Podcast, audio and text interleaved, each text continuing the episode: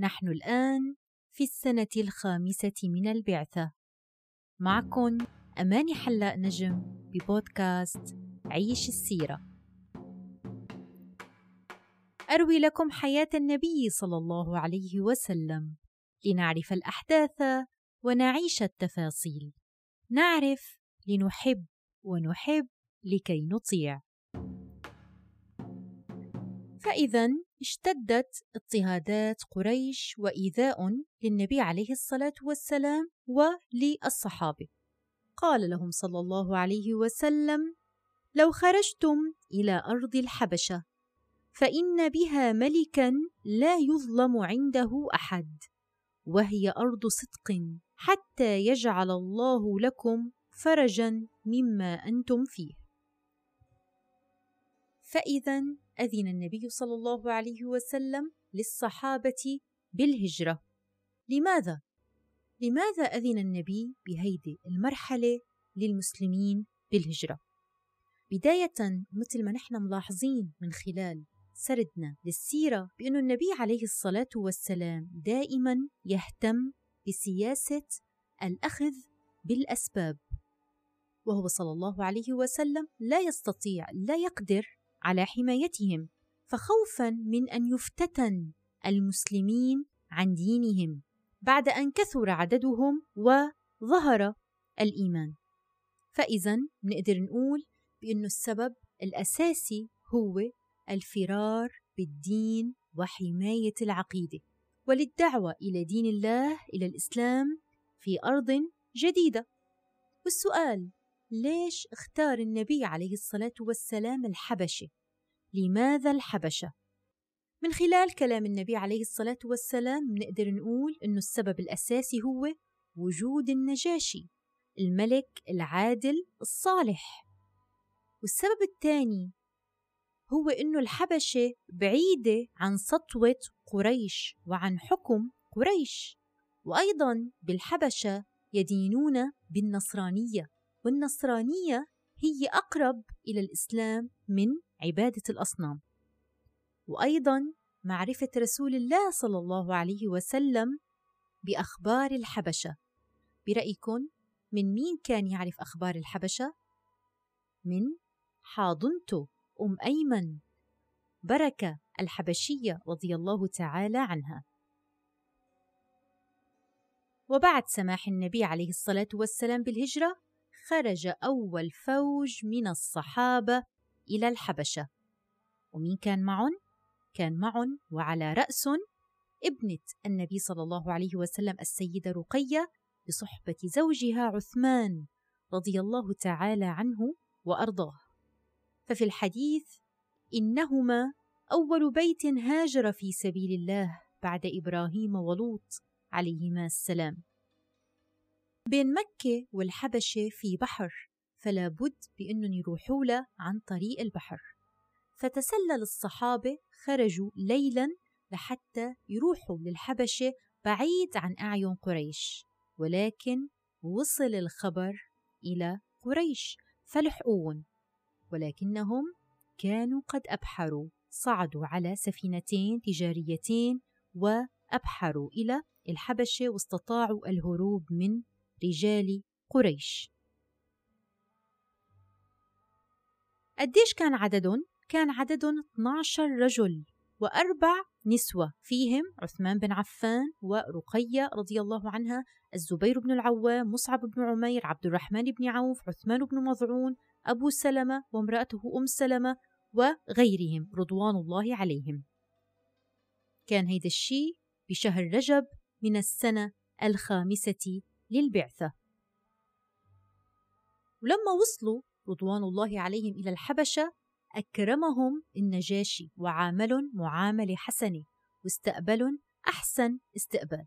وبقي الصحابة المهاجرون يلي راحوا إلى الحبشة هناك ثلاثة أشهر. بخلال هيدي الفترة بخلال هيدي الأشهر الثلاثة صارت ظروف بمكة ما كانت موجودة من قبل. بعثت في قلوب المسلمين من أهل مكة ومن المهاجرين. الأمل. خلت الأمل ينولد بقلوب كتير من المسلمين من أهل مكة ومن المهاجرين. شو هي هيدي الظروف؟ خلونا نشوف. ففي رمضان من السنة الخامسة للبعثة من نفس السنة خرج صلى الله عليه وسلم إلى الحرم. خرج صلى الله عليه وسلم إلى جانب الكعبة. وكان هناك مجموعة من سادات قريش. فقام صلى الله عليه وسلم وأخذ يتلو القرآن. رجال قريش دائما بيوصوا بعضهم بأنه ما يسمعوا للقرآن الكريم لأنهم بيعرفوا مدى تأثير هذا القرآن فكانوا يتواصوا فيما بينهم أنهم ما يسمعوا. ولكن النبي عليه الصلاة والسلام باغتهم وقرأ عليهم فجأة سورة النجم. استمع المشركون للنبي عليه الصلاة والسلام وهو يتلو القرآن حتى وصل إلى قوله تعالى فاسجدوا لله واعبدوا فسجد النبي عليه الصلاة والسلام.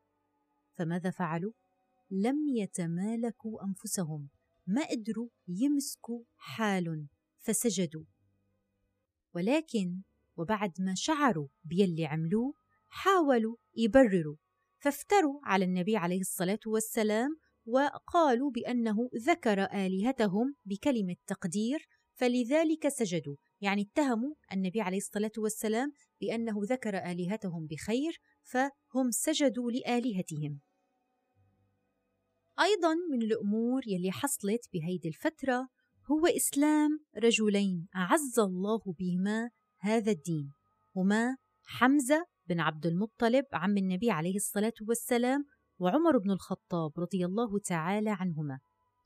لهيدي الأسباب كلها وصلت الأخبار للمسلمين يلي هاجروا إلى الحبشة ولكن بصورة خاطئة. فبلغن بأن قريش قد أسلمت. يعني عندما سجد سادات قريش فانتقلت الأخبار إلى الحبشة على أنهم قد أسلموا. فماذا فعل المهاجرين؟